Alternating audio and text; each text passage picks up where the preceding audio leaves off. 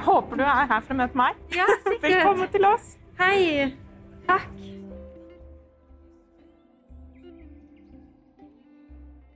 Da er vi på plass mm. og skal prøve å finne dagens bok som du har valgt deg ut, Birgitte. Ja. Klarer du å finne den på hylla, tror du? Eh, Ja, nå ble jeg litt sånn nervøs her, for det er jo eh, mange reoler, og da må man jo begynne med liksom alfabetet. Hva skal vi finne? Vi skal finne Familiebånd, som er da en novellesamling av Clarice Lispector. Så da er det Da er det vel L vi skal uh, leite etter. Der ser jeg en M i hvert fall. Hvordan var det igjen? Eh, K KLM. Så da blir det kanskje på andre siden av den hylla med M på. Ja, skal vi gå og se? Vi prøver. Og hva finner vi her? Å, æ, i Nei, nå er vi jo helt på feil sted. Det ser sånn ut. Mystisk. Vi må rundt tilbake igjen. KL. Uh, der. Skjønnlitteratur. Det er jo på en måte logisk, men det er liksom ikke helt rett fram heller. Lispektor. Stjernenes time, nær livets spiller hjerte. Vi nærmer oss. Familie... Der var den! Yes! Clarice Lispektor, familiebånd. Vi fant den. Perfekt. Mhm. Da går vi opp. Ok. Du hører på Deichman-podkasten Utlånt til, der inviterte gjester forteller om en utvalgt bok som har en spesiell plass i livet deres. Mitt navn er Nora, og jeg jobber med program og formidling på Deichman. Dagens gjest er skuespiller Birgitte Larsen. Velkommen hit til oss på biblioteket, Birgitte. Tusen takk. Før vi går i gang, vil jeg kort introdusere deg. Birgitte Larsen er skuespiller tilknytta Nationaltheatret, og er aktuell med den kritikerroste spillefilmen Gritt. Hun har tidligere studert ved Skrivekunstakademiet i Bergen, og er i år husdramatiker ved Dramatikkens hus her i Oslo. Før vi tar tak i denne boka her, som du har valgt deg ut, så har jeg lyst til å be deg kort om å fortelle oss hvem Clarice Lispector var. Clarice Lispector var jo en, eh, en stor modernist, eh, egentlig, som eh, Hun skrev hele sitt eh, liv, men hun ble, har liksom blitt mer og mer skattet etter sin død.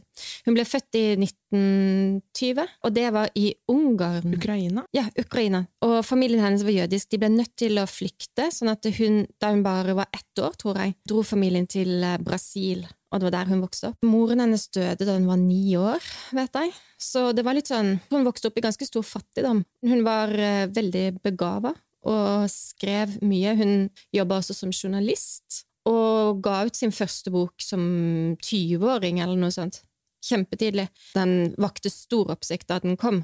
Allikevel så fikk hun litt sånn seinere litt problemer med å finne utgiver og sånt, fordi hun, hun var jo spesiell. Hun skrev på sin helt sånn egenarta måte, og måtte flere ganger forklare til utgivere og oversettere etter hvert eh, at eh, nei, det er ikke feil, det skal være sånn. Jeg kan portugisisk, men eh, jeg vil ha det på den måten. Og totalt så ble det ni romaner og ni novellesamlinger. Og hun oversatte blant annet også Oscar Wilde til portugisisk. Men det er kun fem av de som er oversatt til norsk. Så vi har i hvert fall en mulighet til å, å lese henne, også vi som ikke kan portugisisk. Det er vi jo veldig glad for, og alle kan man selvsagt låne her på biblioteket. Men i dag er det jo da Familiebånd, en bok med 13 noveller som er skrevet over 20 års tid. Og så må jeg bare nevne at det er Ida Munch som har oversatt de til norsk. Vi må jo begynne. Hvorfor har du valgt denne boka å snakke om i dag? Det var litt uh, morsomt, fordi da du ringte, så satt jeg og leste denne boka. Og det var litt fordi at um, en um, litteraturviter i Litauen, som hadde en sånn Q&A i forbindelse med en visning av filmen Gritt, som jeg spiller i, hun sammenligna Gritt med da Clarice eh, Lispector. Og da ble jeg litt sånn nysgjerrig på å um, lese henne. Jeg hadde lest henne før, men det var, det var bare den én bok som heter Stjernenes time. Jeg ble nysgjerrig på dette forfatterskapet og lese mer av det. Og da dro jeg på Deichman og lånte en bok som ja, denne familiebånd. Og det ble en stor Det har vært en av vårens store leseropplevelser for min del. Her beskriver hun jo kvinneliv, kvinner ofte midt i livet, eller på min egen alder, egentlig. De virkelig har uh, truffet meg. For å gjøre det litt mer håndgripelig, altså er, som sagt så er det 13 historier. Det er veldig mange. Vi har eh, valgt ut eh, et par eh, stykker, og da tenkte jeg at vi skulle starte med den som heter Kjærlighet. Kan ikke du, Birgit, fortelle oss hva, hva skjer, hva handler den om?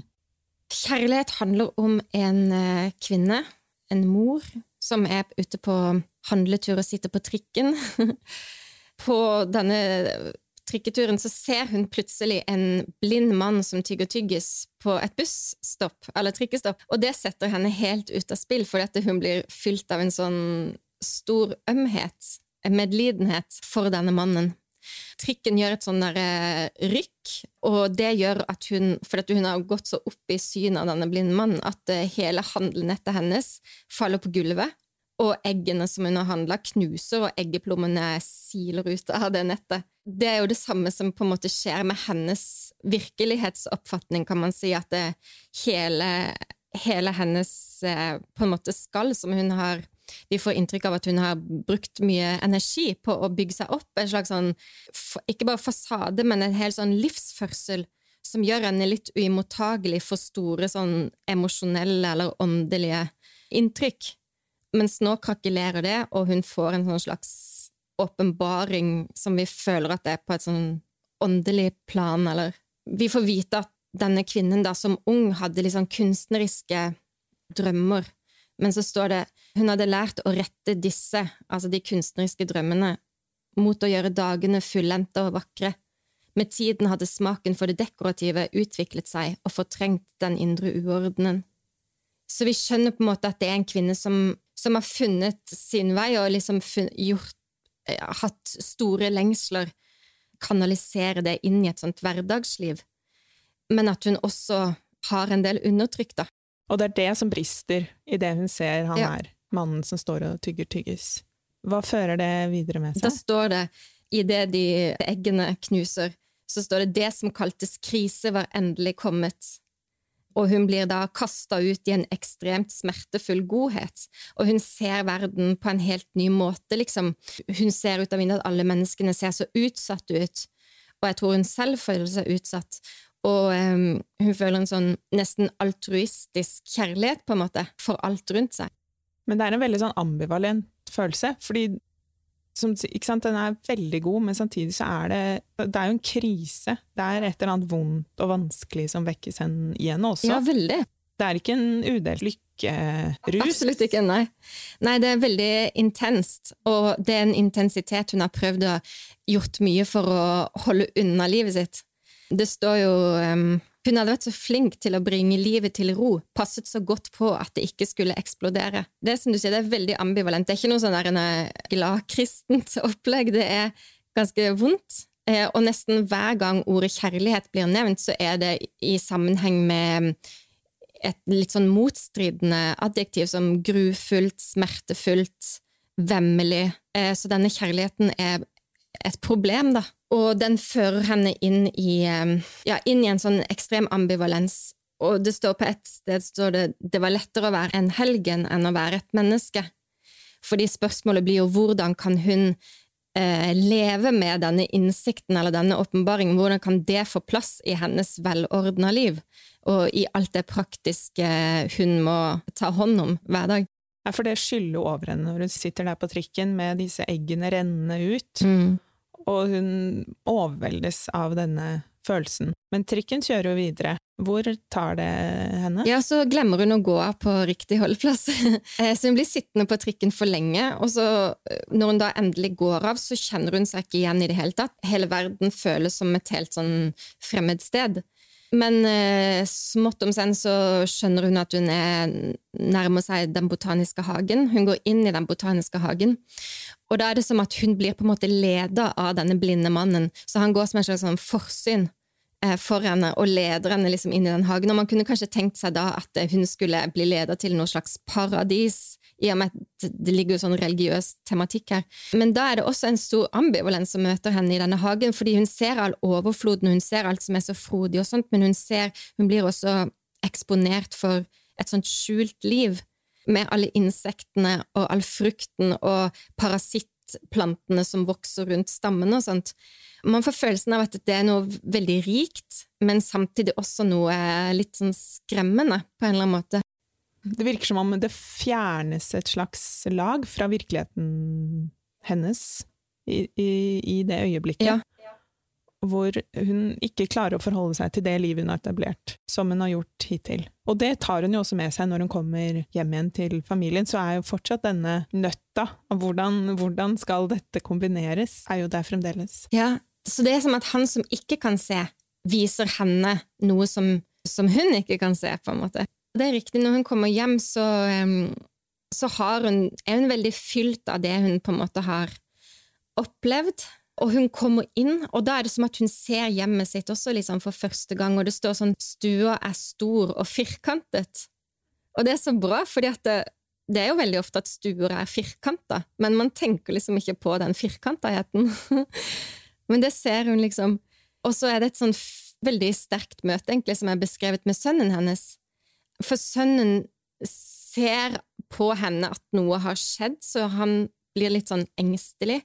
Og så, og så, får man også følelsen av at hun på et tidspunkt vurderer om hun skal reise fra alt. Fordi at hvordan skal hun forfølge denne impulsen som har blitt satt i gang i henne? Det, det virker som at hun på et tidspunkt vurderer om hun må liksom bli mor Teresa og forlate alt. Og da sier hun til sønnen sin, som hun omfavner og holder veldig hardt inntil seg, så sier hun sånn eh, Ikke la mamma glemme deg. Og da blir jo han livredd og løper fra henne og begynner å gråte, liksom. Så det er jo ikke bare en sånn indre altså Det får også ytre konsekvenser for henne, da. Men hun klarer jo å ha De har en sånn middag, det kommer gjester på besøk. Og da får man jo en følelse av at alt roer seg, at hun klarer å ta, ta liksom i bruk sin gamle rolle og være den kvinnen hun har pleid å være. Og helt på slutten av kvelden så er det som at han blinde nesten kanskje forlater henne, og hennes ektemann tar hånden hennes og liksom leier henne i seng eller til bad eller noe sånt. Og så slutter jo alt med at hun blåser ut lyset, blåser dermed ut dagens lille flamme, som det står. Hva tror du Lispektor har lyst til å vise oss med denne teksten? Jeg, fall, jeg blir i hvert fall veldig slått av det der, hvordan hun setter opp de motsetningene mellom det derre kontrollerte livet som veldig mange av oss voksne mennesker fører og på en måte er nødt til å føre fordi vi har forpliktelser, kanskje barn og jobber og sånt, som gjør at vi blir nødt til å holde, som hun skriver, da, livet under kontroll, på en måte. Vi må ha våre planer og rutiner og struktur. Vi trenger å ha alt under kontroll. Men at Lispektor viser at dette holder også en del ting ute. Det er en del ting vi liksom ikke tar oss råd eller tid til å Eller ikke evner, da, å åpne opp for når vi lever sånne liv som kan kanskje bli nesten litt maskinelle. Klarer hun å vekke deg til liv, holdt jeg på å si? ja, jeg vil si det. Altså, jeg fikk eh, Ja, jeg må si jeg fikk en litt sånn wake-up-call eh, her. Skal vi se på den andre teksten vi har valgt oss ut? Den har en litt sånn annen tone enn eh, kjærlighet. Den heter um, Familiebånd, tittelnovellen, rett og slett. Hvordan vil du oppsummere den? Det handler om en uh, datter uh, som skal følge moren sin til uh, togstasjonen etter at hun har vært og besøkt henne og hennes familie. Hun er gift, og hun har en, en fire år gammel sønn. Så novellen starter med at mor og datter sitter i taxien på vei til togstasjonen, og man får, får vite at det har ikke vært et helt uproblematisk besøk. det har vært en god del gnisninger mellom um, denne da moren og hennes svigersønn. Jeg syns jo at denne novellen viser ganske Altså, den er ganske sånn nådeløs i skildringene sine, og ganske morsom, egentlig. Den har en del ganske morsomme betraktninger og skildringer. Og det er jo også generelt noe jeg syns Clarice Lispector har veldig mye av. Overraskende og morsomme skildringer en liten sånn avstikker på det. I en novelle er det jo også sånn hun skal um, beskrive en sjiraff, fordi at hun er i en dyrehage hvor hun skal lære seg å hate.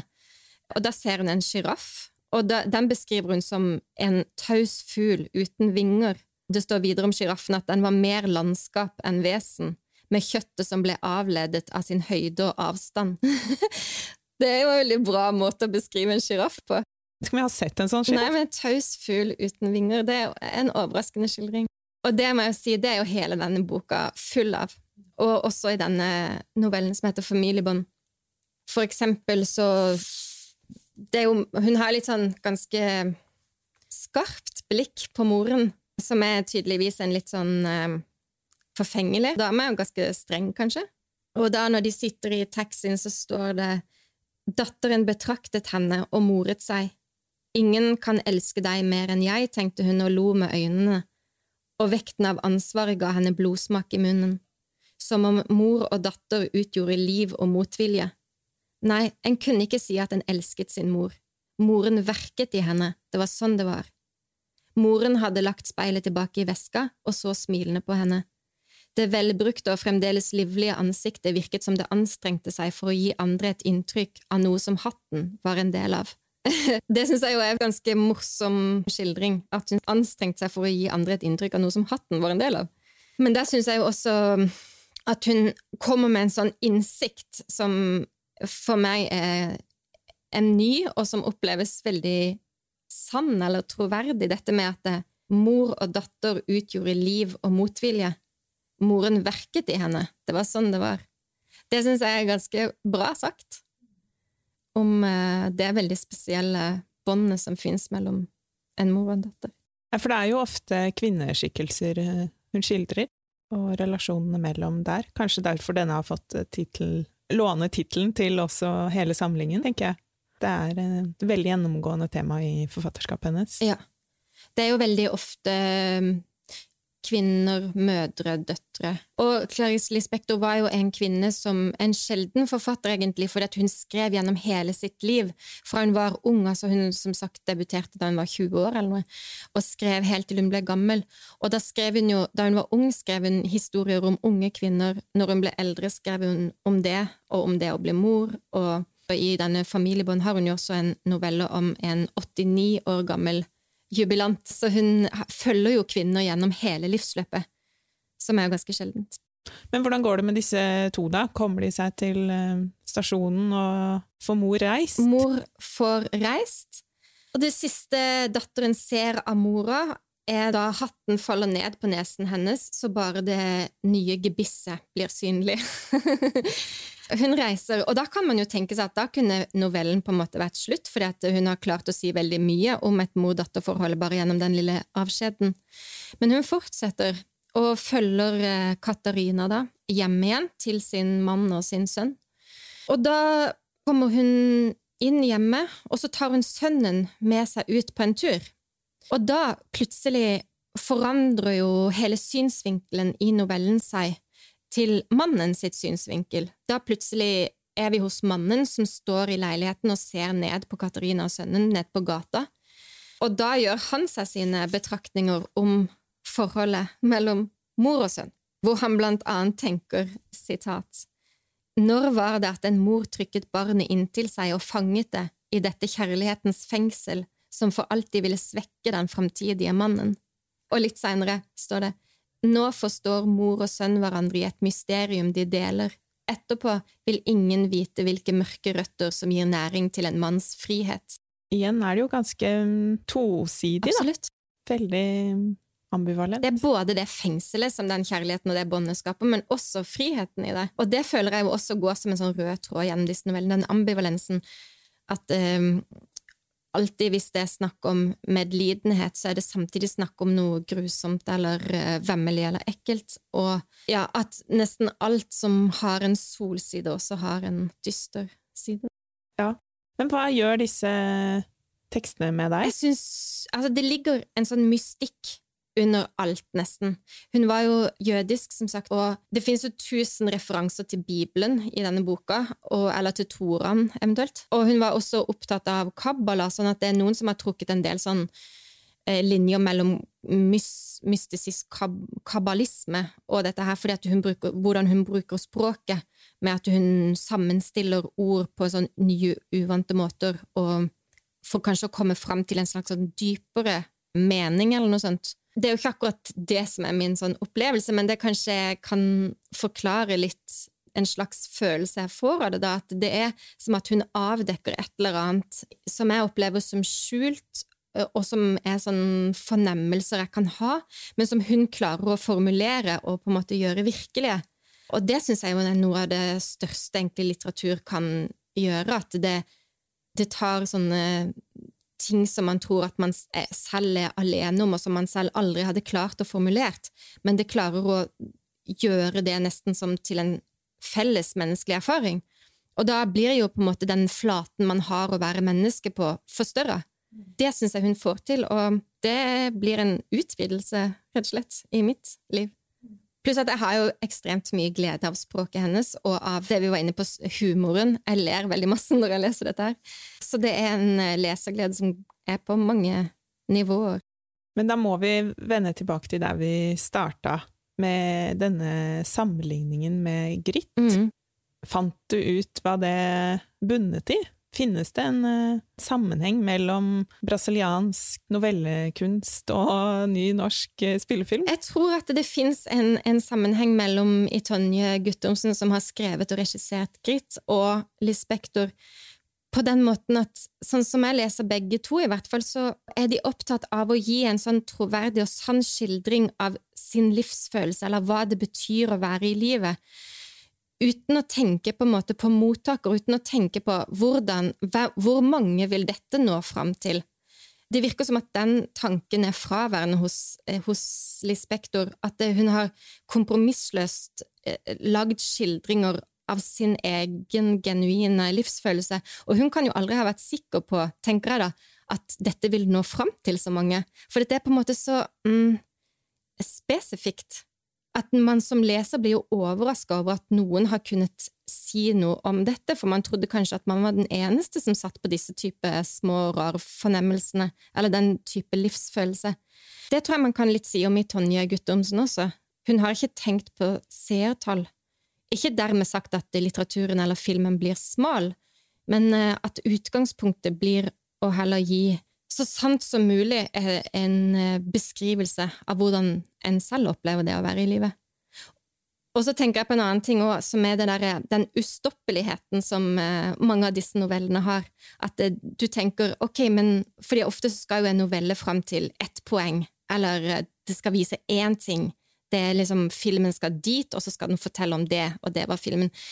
Mens Lispektor har jo Det er sånn du kommer dit, men så skal du videre igjen, og så fortsetter det.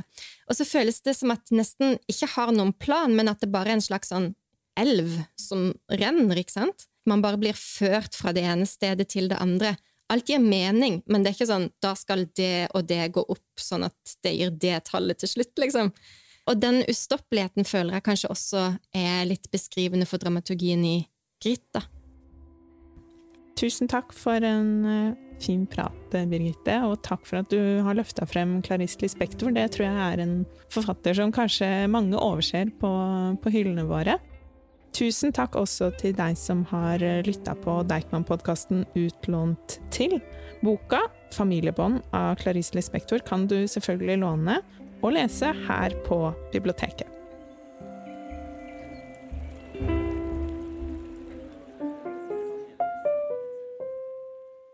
Dette er en podkast fra Deichman, hele Oslos folkebibliotek.